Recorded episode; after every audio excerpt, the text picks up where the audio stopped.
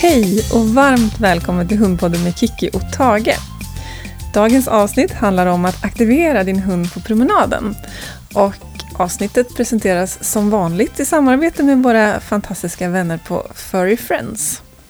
Och idag så sitter jag tillsammans med Eva och Tage i en herrgård någonstans i Sverige. För vi är iväg på ett litet jobbuppdrag. Och eh, just nu så blickar jag ut genom fönstret och det är strålande sol och jag tittar ut över en härlig liten sjö och det är bara fantastiskt vackert. Eller hur Eva? Visst är det underbart? Verkligen. Vi har hamnat på en helt underbar plats. Ja. Och skogen precis intill så vi kan gå långa härliga promenader. Ja, Hur underbart som helst. ja det är ljuvligt. Mm. Välkommen hit till avsnittet. Ja, men tack snälla. Varför ska vi egentligen prata om det här med aktivering på promenader, Kiki? Ja, men jag tänker att det är ett ganska smidigt och enkelt sätt att få till vardagsaktiveringen för hunden. Att göra det när man ändå är ute och promenerar. Mm. Och alla hundar behöver ju aktivering och mental stimulans. Så det är ju någonting som är viktigt att få in i vardagen och tänka lite extra på. Och vissa hundar behöver mer och då kanske man behöver aktivera dem också på andra sätt. Hitta på lite mer ordentlig aktivering för hunden. Men för många sällskapshundar så räcker det ju med den här typen av vardagsaktivering. Som man kan göra enkelt på promenaden när man ändå är ute och går. Just det. Vad har du för tips då? Ja, men vad har jag för tips? Massor! men vi börjar väl i någon ände och jag brukar alltid tjata om min favoritövning som är godissök. Och jag kan inte göra ett, ett avsnitt om aktivering utan att ha med den övningen. För den är så fantastisk på så många sätt. För att det är både väldigt lätt att göra den. eh, Och de flesta hundar brukar älska den. Och alla hundar behöver jobba med nosen. Och dessutom om man har gjort den regelbundet så kan det bli ett jättebra sätt för att hjälpa hunden att hantera situationer där det blir lite mycket som händer eller sådär. Så det, det finns så många bra saker med den övningen. När det gäller godissök, såväl som allt annat egentligen, så är det väldigt viktigt att börja enkelt. Så har hunden inte sökt godis innan, då börjar jag egentligen bara säga ordet sök eller leta, eller vilket jag nu vill använda, och droppar en godis på marken fullt synligt precis framför hunden, så att hunden vet om att det ligger en godisbit där. Mm. Så i början handlar det inte så mycket om att söka med nosen, utan då ska vi bara nöta in själva signalen, så att hunden vet att när jag säger leta till exempel, så, så betyder det att det finns en godisbit någonstans. Mm. Och sen kan man gradvis slänga godisbiten lite längre bort och slänga den på ställen där godisbiten inte syns så väl. I lite högt gräs eller det räcker ofta med att det är grus eller att man slänger på en ställe där det är lite samma färg på underlaget som godisbiten för att Mm. de inte ska se den så tydligt. Och sen som sagt, ökas på svårighetsgraden efterhand. Och så länge hunden söker, det gör inget. En del säger att ah, min hund är så dålig på att leta godis för att det tar lång tid innan de hittar den. Men det är ju egentligen bra, Mm. för då blir det mer aktivering. Mm. Så länge hunden söker så kan man bara låta den hållas. Men om hunden ger upp sökandet innan den hittar godisbiten, då hade vi gjort det lite för svårt. Så då får man helt enkelt göra det lättare. Så finns det hundar som man kan lära att använda nosen mer? Men Jag har, haft olika, jag har ju haft lite olika hundar och en av hundarna var inte så intresserad av att använda sin nos. Nej? I alla fall inte på så här, Tage är ju väldigt intresserad av det. Ja, Men kan det vara olika också, intresset? absolut. Och det är dels lite rastypiskt då, att vissa raser, alla raser som är avlade för att eh, jobba med nosen, det är klart att de har ett ökat Mm. intresse för att använda den i olika Ja, sammanhang. Och också ökat behov av det då. Ja, men som jakthundar och det finns ju hundar som är avlade för att söka efter svamp. Och, så, ja. så alla hundar som liksom på något sätt har använts för någonting där de får utnyttja nosen, de brukar tycka att det är roligare och de har också större behov av det. Mm. Sen upplever jag att de flesta hundar brukar kunna tycka att det är kul om man gör det tillräckligt lätt och tillräckligt gott godis. Mm. Eh, och sen bygger upp det lite stegvis. Men det kan som sagt vara jätte, jättestor skillnad. För, för Tage så har det, det handlar ju om hans psykiska hälsa. Ja. Och få jobba med nosen. Mm. Eh, och för andra kanske mer att ja, men det är en trevlig sysselsättning och Mm. inte mer. Så det är definitivt så. Men det är också någonting man kan jobba upp efterhand. För det är också eh, det är många som säger att deras hund inte vill eller kan söka godis. Men då är det oftast man har gjort lite för svårt, lite för snabbt. Så de fattar helt enkelt inte ens att det finns en godisbit där. Mhm. Utan man har kastat ut den i högt gräs och då försvinner godisbiten ur hundens perspektiv. Om Mm. den inte vet att signalen betyder att det ligger en godisbit någonstans. Mm. Och när vi ändå är inne på nosen så tänker jag att det finns ju massa olika sätt att låta hunden jobba med nosen. Och ett sätt det kan vara att man lär dem att leta efter föremål också. Och Just. där kan man ju antingen lära dem ett specifikt föremål. Jag tycker det är väldigt bra att låta min hund hitta min mobiltelefon eller mina nycklar eftersom jag kan vara lite disträ och det kan glida ur fickor och sådär. Mm. Det har jag faktiskt haft användning av flera gånger med Tage. Är det så? Ja, jag har tappat min mobiltelefon i skogen när jag varit ute och strosat i ostigad terräng. Oh. Och upptäckt i efterhand att mobilen har glidit ur fickan. Men, Och då skickade jag ut honom. Han kan ju både spåra och leta efter föremål. Så Ja. skickade jag ut honom att spåra. Och följde han ju där jag hade gått. Och så stannade han till när vi kom till mobiltelefonen. Mm. Så det, det kan vara väldigt bra att lära hunden. är användbart ju. Ja, men så dels kan det vara bra att lära dem att hitta specifika föremål. Att lära hunden hitta min mobiltelefon till exempel. Mm. Men jag kan också generalisera det lite och lära hunden hitta allt som doftar av mig. För då, kan jag, då spelar det ingen roll vad jag tappar bort. Eller, och då kan det också bli en rolig aktivering. Och jag kan till exempel ibland ha med mig, du vet man får massa så överblivna strumpor i tvätten av Mm. någon anledning. Så får man Mm. en udda kvar. De är perfekta att stoppa i fickan och ha som en liten hundleksak. Mhm. Kanske knyta en knut på eller stoppa lite tidningspapper i. Eller ha den bara som den är. Mm. Eh, och så får den ju plats i fickan plus att det gör ingenting om man tappar bort den sen när man använder den på promenaden. Och så kan jag gömma den. Då får ju den doft av mig själv. Mm. Och så kan man gömma den i skogen och låta hunden hitta den. Just. Och antingen om man har hund som tycker det är kul att leka med saker och strumpor och sådär. Då kan man ju liksom använda lek som belöning där. Då behöver man inte använda något godis Mm. i det läget. Men har man en hund som inte har så stort föremålsintresse då kan man istället använda godis som belöning. Och ytterligare ett sätt om man inte har varken lust att lägga ut sin mobiltelefon och låta hunden leta efter den eller ha med sig något föremål. Då kan man till och med göra så att man tar en pinne eller kotte eller någonting ute och stoppar i fickan eller håller i handen under en liten stund så att den får doft av dig. Mm. Och sen kan man gå ut och lägga den bland andra kottar och pinnar. Just det. Och så se till att hunden liksom går och hittar då rätt kotte eller pinne. Mm. Och det är en sån bra... Jag älskar såna aktiveringsövningar där man inte behöver ha med någon utrustning. Man behöver inte släppa med sig en hel väska hemifrån. Nej. Nej. Nej. Och alla de här då, om vi ska lära hunden att hitta ett föremål som i grunden kanske inte är superintressant för hunden, så kan man göra likadant. Och det är att man börjar väldigt enkelt, lägger ut föremålet, gärna om hunden kan sitta stanna kvar, för då kan man be hunden sitta stilla. Mm. Och så går man och lägger föremålet. Eh, och då blir det ju liksom att hunden ser att vi gör någonting med föremålet. Och sen så bara skickar vi iväg hunden mot föremålet. Och då brukar de gå fram och nosa på det. Mm. Och då ska vi vara snabba dit och ge en godisbit nere vid föremålet. För då kommer hunden lära sig att dit lönar det sig att gå. Mm. Om hunden inte vill gå fram till föremålet när vi gör den övningen, då kan man göra så de första gångerna kan man peta in en liten godisbit under föremålet. Mm.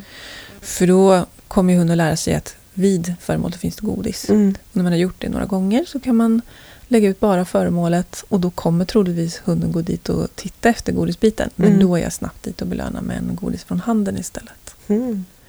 Och samma sak där. Börja enkelt, fullt synligt föremål framför hunden och sen sakta men säkert lägga det längre bort och sen mer och mer dolt. Mm. Och så variera då vart man är någonstans. Kul! Ja, Det där är roligt. ja det är jätte, jätteroligt. Mm. Och sen kan man göra det här hur avancerat som helst. Och liksom en av Tages favoritövningar på promenaden det är att jag tar med mig en sån här dummy som de använder vid apporteringsträning. Mm. Och så slänger jag ut den i skogen. Och då ska han eh, ut, söka och sen komma tillbaka och lämna av föremålet. Mm. Och det är ju också att leta efter föremål. Ja, ja. Men man gör en liten ritual av det. Mm. Så ja, det, det är en bra övning. Mm.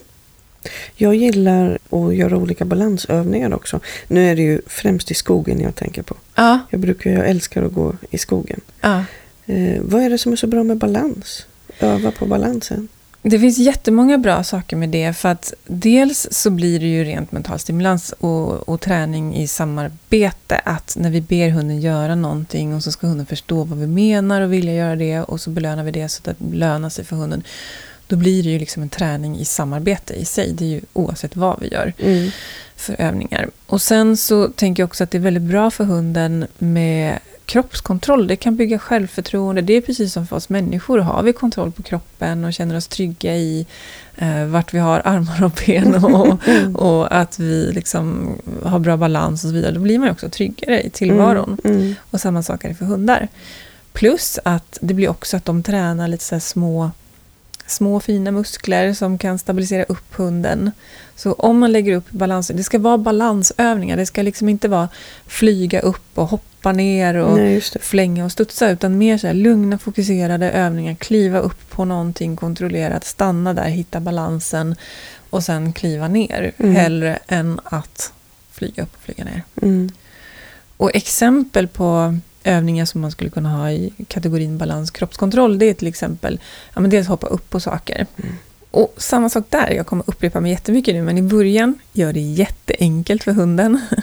Välj en, en låg platt sten som hunden har lätt att kliva upp på. Och i början kan vi locka med en godisbit eh, så att hunden kliver upp kontrollerat på stenen.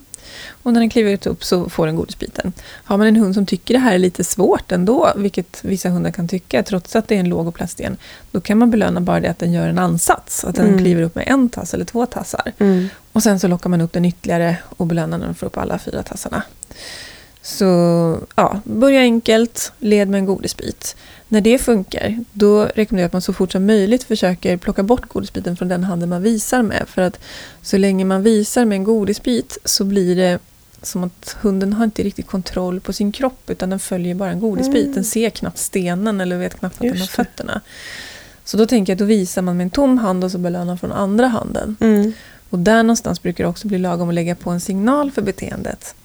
Så att man säger upp på eller vad man nu vill att det ska heta. Mm. Och så märker man till slut att ja, men nu börjar hunden förstå. Jag kanske kan stå en liten bit ifrån stenen och bara peka på den och säga upp på. Mm. Och då först kan jag börja öka svårighetsgraden i själva balansövningen för att då börjar hunden få kontroll på vad den gör. Och svårighetsgraden, då handlar det inte om att ta högre stenar för det blir bara onödig skaderisk i det utan då handlar det mer om att hitta kanske lite mer svårbalanserade övningar.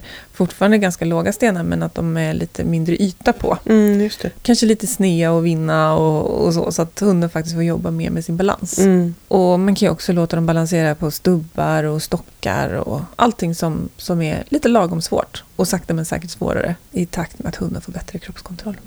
Tage och jag var ute när han var hemma hos mig sist. Jag Mm. hade hand om honom. Så hittade vi ett kalhygge. Ah, Det var paradiset. ja, men för- det är ju som en lekplats för ja, hundar. men det, ja men på riktigt, det blev ju. Det var ju både eh, stubbar och sen så var det ju mycket omkullfallna träd. Ah. Och upp och ner och hit och dit. Och Ja. det, det var he- kalhyggen rekommenderas. Ja, Jag brukar inte gilla det annars. Men nej, just, men eh, just i det sammanhanget så är det faktiskt, faktiskt. Ja. faktiskt. Och det man kan tänka på det är att ha lite säkerhetstänk när man lägger upp övningarna. Dels då som jag var inne på, det finns ingen anledning att skicka upp dem på jättehöga saker för att det blir bara risk för skador. Mm. Samma sak när det gäller stockar och sånt. Undvik de stockarna som har avbrutna pinnar som sticker rakt upp till exempel. Mm. För att skulle hunden slinta och få en sån där i magen eller någonting, det Mm. blir inte trevligt. Nej. Och likaså, tänka på att när det är blött ute så blir det ofta halt. Mm. Så kanske hellre då också stockar med lite skrovlig bark än sådana helt eh, släta Just det. Mm. Och sen också tänk på att hundarna kan få träningsvärk precis Mhm. som vi. Mm. Så om man nu lyssnar på det här programmet och blir jätteglad och ivrig kanske man inte ska gå ut och göra massa, massa, massa fysiska övningar direkt utan bygga på lite gradvis. Så att hunden får bygga de här nya musklerna. Det vet man ju själv om man har varit på ett pilatespass eller varit och Mm. ridit eller någonting annorlunda som man inte brukar göra. Man blir ju helt ledbruten efteråt. Ja, så är det ju. Så det finns ju massor man kan göra med kroppskontroll och balans. Och utöver det här med att hoppa upp på saker så kan man ju låta hunden krypa under eller hoppa över. Och då, det blir också en väldigt bra träning i kommunikation. För att om jag då har tänkt att jag ska försöka få hunden att gå under en stock så måste jag ju visa på ett tydligt sätt så att hunden förstår. Mm. Och om hunden väljer hoppa över, men då måste jag bli ännu tydligare i min kommunikation. Och då blir ju det ett träningssätt, att hunden lär sig förstå mig och jag lär mig att kommunicera på ett sätt som hunden förstår. Mm. Och ofta så handlar det ju om att vi måste vara väldigt tydliga ner och visa med handen där du vill ha hunden. Så att inte vi står och viftar på för långt håll, för då blir det för svårt. Och vi ska tänka på hela tiden att hunden vet ju inte från början vad hopp eller under betyder. Nej, Utan det måste vi lära hunden efterhand. ja såklart. Så mycket handlar om att visa först. Mm. Kanske med en godisbit eller bara genom Efter ett tag brukar hunden lära sig att följa handen när man har gjort några sådana här övningar. Mm. Och då kanske man kan visa bara med en tom hand redan från början. Eh, Om man inte går sina promenader alla gånger i skogen, vad kan man göra då?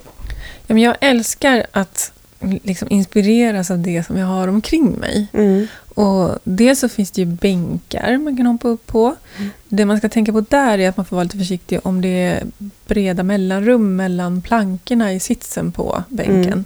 För att är det tillräckligt brett så kan ett, en tass falla ner emellan och om de då hoppar ner. Tage gjorde faktiskt det när han var yngre en gång. Mhm. Att han hade hoppat upp självmant på en bänk och så tog han fart och hoppade iväg. Och när han hoppade så gled ena tassen ner, eller ena benet ner i springan mellan de två spjälarna i sitsen. Mm. Så han blev hängande och haltade ganska rejält efteråt. Men som tur var så blev det bara en liten stukning där och då. Så att det, Mm. det blev inga bestående men. men det, så det kan vara lite läskigt. Men Mm. eh, om, man, om det är en hel sits eller så, så får man ju tänka på höjden då i förhållande till vad man har för typ av hund. Så en Mm. ung hund ska man kanske inte låta hoppa upp och framförallt ner från någonting som är så högt som en bänk i början. Mm. Men det kan finnas murar, det kan finnas eh, massa olika saker. En övning som man också kan göra både i skogen och i mer stadsmiljö, det är att sätta tassarna mot saker.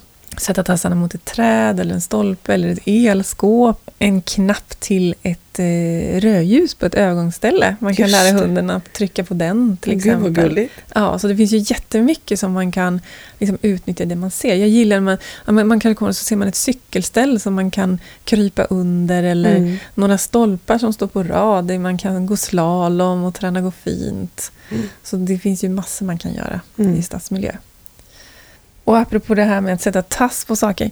Det finns ju massor med saker som man kan göra med träd eller stolpar. Eh, sätta tass på. Har vi ett träd med lite skrovlig yta så kan man också sätta godisbitar i, i barken på trädet så att Mm. hunden får söka godis på lite höjd. Och det är ju både för att det blir lite variation i godisöket men också att det blir lite balans, kroppskontroll inblandat i det. Så sätter man bitarna lite högre upp så får hunden sträcka på sig för att nå upp och sådär. Mm. Det kan också bli lite problemlösning om en godisbit ramlar ner från trädet så måste den helt plötsligt komma på att den ska söka på marken. Mm. Man kan också, om man ser en samling med träd eller stolpar så kan man gå slalom mellan dem. Träna Mm. följsamhet och bara få hunden att följa med där jag går. Mm. Och ytterligare en rolig övning det är att lära hunden runda ett träd eller en stolpe. Att eh, skicka hunden mot trädet och så får han gå runt och komma tillbaka. Och det kan man gärna träna in åt båda hållen. Tages signaler för det är runda och tillbaks. För jag Mm. hade lite dålig fantasi så då fick det bli tillbaks för det andra hållet.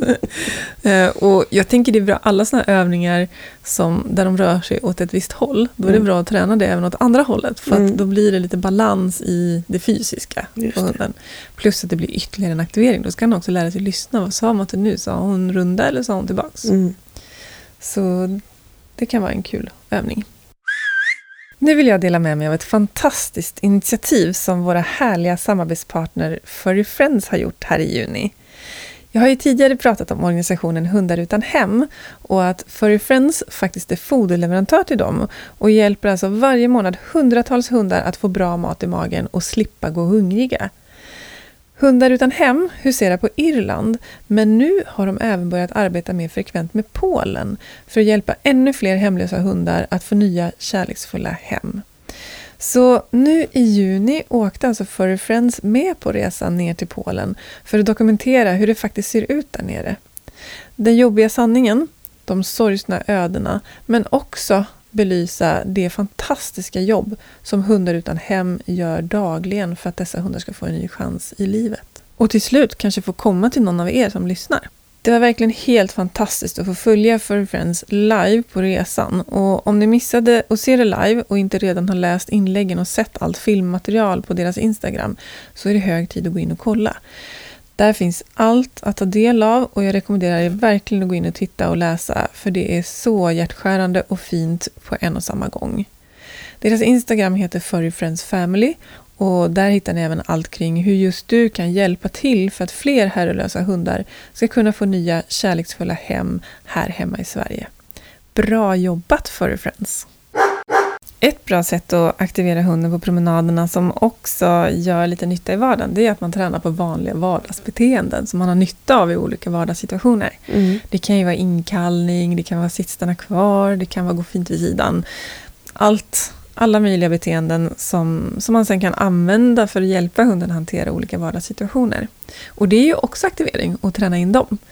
Eller bara träna vanliga nonsenstricks som att sitta vacker eller gå slalom mellan benen. Det är ju också bra aktivering på promenaden som man kan göra var som helst. Mm. Jag brukar ju även träna, jag tävlar ju i rallylina med Tage. Och nästan all grundträning gör jag i skogen eller stan eller så på vanliga promenader. För att då får man, dels så blir det ett naturligt sätt att pausa mellan. Jag tycker det är ganska tråkigt att pausa. så om jag är på en grö- gräsmatta och tränar så tycker jag det är skittråkigt i pauserna. Men går man en promenad då kan man ju träna lite och så får hunden pausa genom att man går och nosar och strosar. Mm. Och sen så tränar jag lite igen så att det blir väldigt bra balans i träningen på det sättet. Mm. Och dessutom så får man ju all störningsträning på köpet. Just För då varje gång jag stannar så är det nya störningar, nya dofter och nya ljud. Och det kan vara saker som passerar och sådär. Så att det, det kan vara ett jättebra sätt att träna både för tävling och för situationer i vardagen. För att man, man är i vardagen. Sen kan det ju vara så att har man en väldigt störningskänslig hund så kanske man måste göra grundträningen hemma i mer störningsfri miljö innan man börjar göra det ute i vardagen. För Mm. att ge hunden en möjlighet att göra rätt. Men när de väl kan grunderna så kan det vara jättebra aktivering att träna vidare på det på promenaderna. Smart. Jättesmart. Och sen finns det en liten rolig övning som jag också kan rekommendera. Som, det kanske inte är så mycket aktivering egentligen för hunden. Jo, men på sätt och vis är det det. Men det handlar mer om att, att hitta på något kul då, inte så mycket mental stimulans.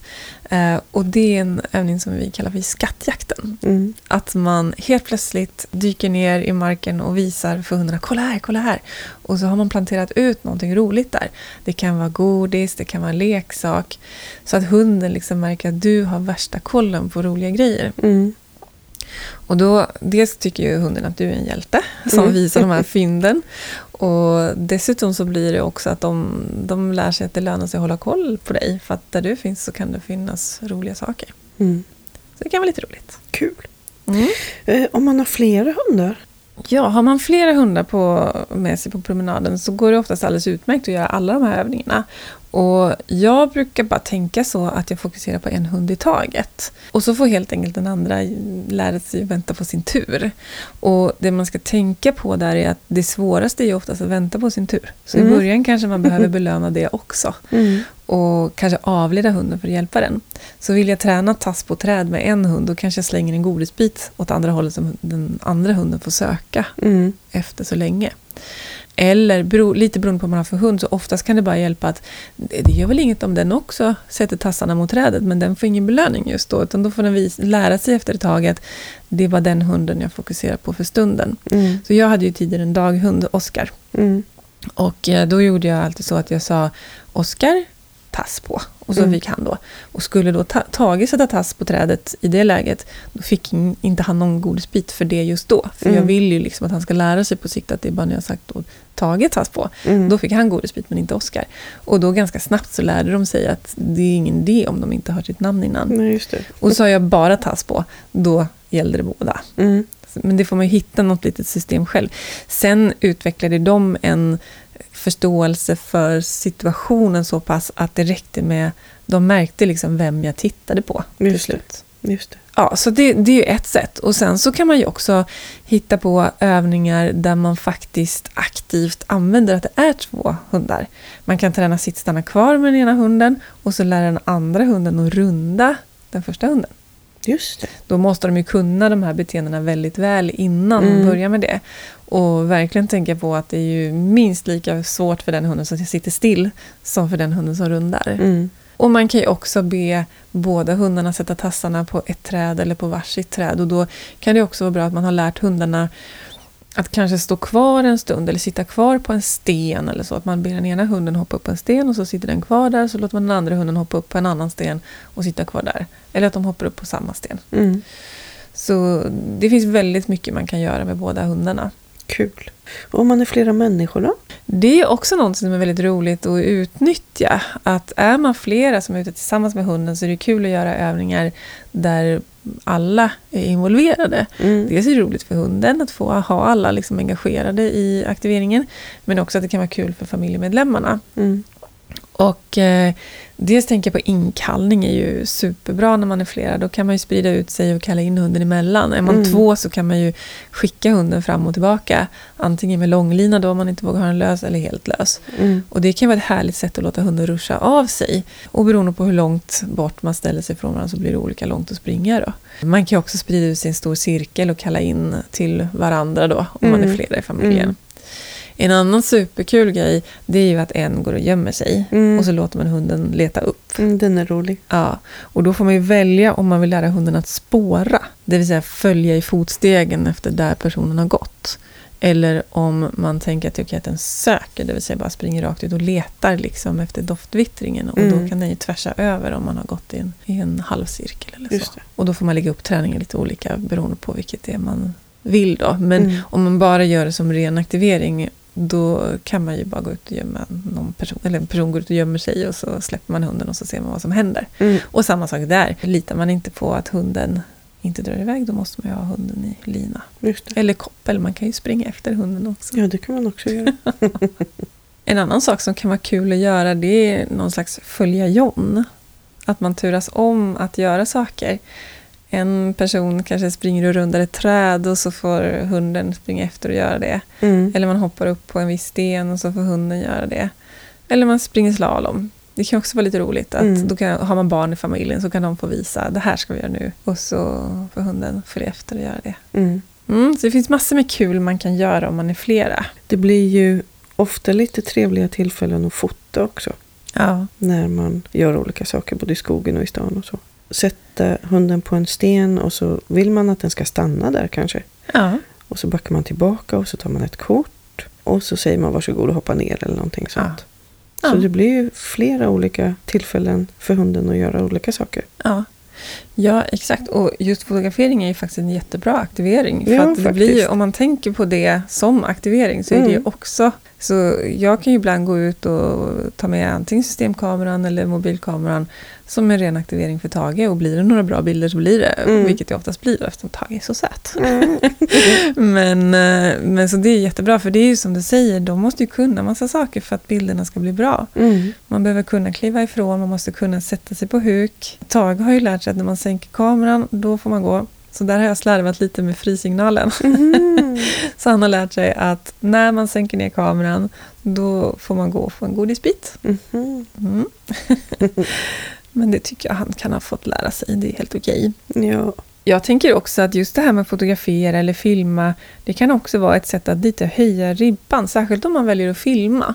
Om man tänker sig att men nu ska jag göra en film på när min hund rundar ett träd eller gör lite andra övningar. Mm. Då får man skärpa till sig lite så att det blir så som man hade tänkt. För annars är det väldigt lätt hänt att man, man gör det som faller en in och blir det tokigt så, så är inte det så noga. Och, och det gör ju ingenting såklart.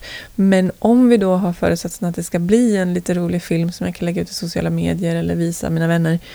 Då kanske jag, om jag stöter på lite svårigheter, då får jag försöka klura ut hur vi ska komma förbi det och faktiskt lära hunden det Mm. som jag hade tänkt från början. Och då blir det ju mer mental stimulans för hunden och jag tränar mig i att träna hund så att jag blir duktigare och duktigare på att även göra det som är lite svårt och klurigt. Mm. Och det är som du säger, då behöver hunden kunna sitta kvar. Det är kanske är samma sak om jag vill visa någon att Tage kan sätta tassar mot träd. Då måste han ju kunna stå kvar med tassarna mot trädet Mm. när jag backar därifrån och tar min bild. Just det. Inte Så- bara på dutta utan Nej. stå, stå kvar. Mm. Precis. Så det är jätte, jättebra.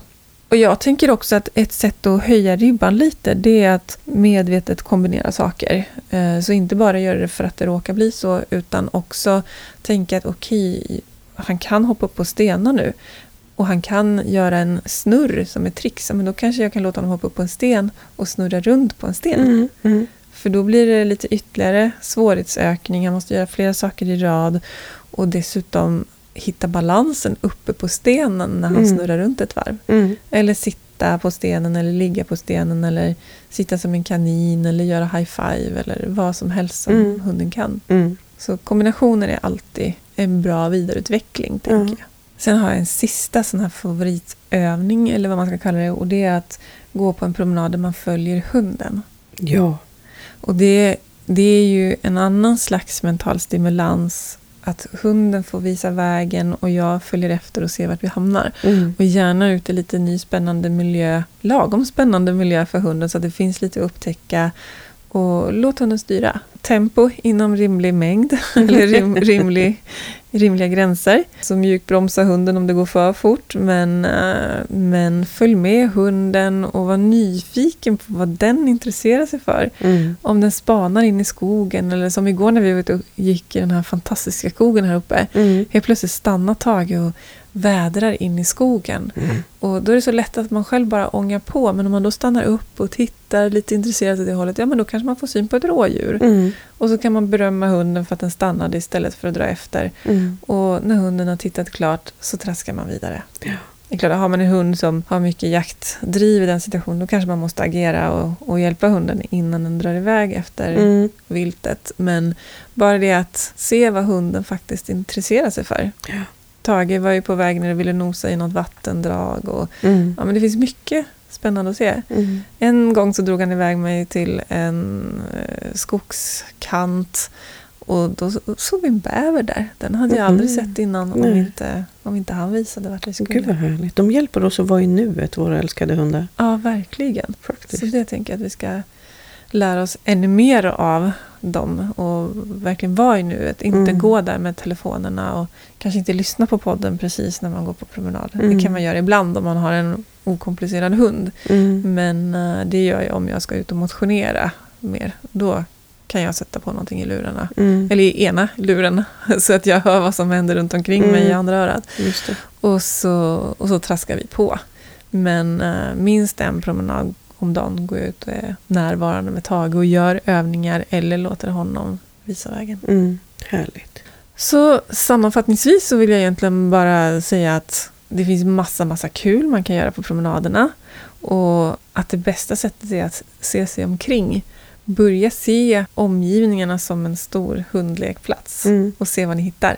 Sen får man självklart, om jag ska lägga in någon liten pekpinne, man måste ju tänka på omgivningen så att man inte eh, stör och gör saker där man inte bör göra det. Så att lekplatser kanske man ska undvika hur roliga de än vore för våra hundar och skolgårdar och sånt där. Mm. Så att, eh, ja. Men i övrigt, inspireras av omgi- omgivningen, utnyttja det som finns och gör roliga övningar med hunden. Och, och tänk på säkerhetsaspekten så att eh, det går rätt till. Sammanfattningsvis så kan man väl egentligen bara säga att det finns massor med kul man kan göra på promenaden och också nyttigt. Det är bra för hunden att få mental stimulans och, och kroppskontrollövningar. Så ut och inspireras av omgivningen och gör roliga saker tillsammans med era hundar. Och se till att ha riktigt kul tillsammans. Innan vi rundar av så skulle jag bara vilja berätta om min onlinekurs som heter Vardagsträning, aktivering och abrovinker. Som är en kurs som innehåller en hel del aktiveringsövningar eh, men också mycket vardagsbeteenden och eh, några abrovinker som är någon slags lifehacks som jag tycker är, det är smarta små grejer som, som man kan lära hunden för att hantera vardagen. Lite utanför det här med den vanliga vardagsbeteendeträningen. Eh, Så det är lite kul grejer. Och den här kursen, det är en självstudiekurs online som innehåller, jag tror mer än 70 filmer, eller hur Eva? Mm. Det är Ja. Och eh, Eh, man kan gå den precis i sin egen takt och göra när man vill. Och filmerna, det är väldigt mycket fokus på praktiska övningar, men också en del teori. Och just nu så har vi ett sommarerbjudande på den, så det är 25% rabatt om du använder rabattkoden sommarrabatt 2021 om du bokar senast sista juli. Så in och boka in dig på den onlinekursen så lovar jag att du får massa, massa roliga övningar som du kan göra på promenaderna med din hund. Onlinekursen kan du köpa på Glada Jyckars webbsida, gladajyckar.se. Och så måste du såklart också följa podden och mig själv som hundpsykolog i sociala medier. Så jag finns både på Facebook och Instagram. Och eh, där finns det massor. På poddens Instagram så hittar du extra material till varje avsnitt. Och på min egen Instagram så finns det en massa andra roliga tips och råd och övningar. Och bland annat så har vi en glada jyckar-utmaning, jag och min kollega Cecilia, som pågår eh, löpande. Så en gång i veckan så kommer någon utmaning på något visst tema. Så gå in och häng på den utmaningen. Ni följer det vi gör och gör något liknande och så taggar ni det med Glada Jyckar-utmaningen. Så ja, in och följ oss i sociala medier. Tusen tack Eva för att du var med och hjälpte till idag. Mm, Tack snälla. Det känns alltid skönt att ha dig här när jag pratar på. Slipper jag sitta och prata ut i tomma intet. Härligt. Och eh, tusen tack till alla er som har lyssnat på Hundpodden med Kiki Fälstenius och Tage the Beagle. Och idag även med Eva Beijersand. Ha en underbar dag!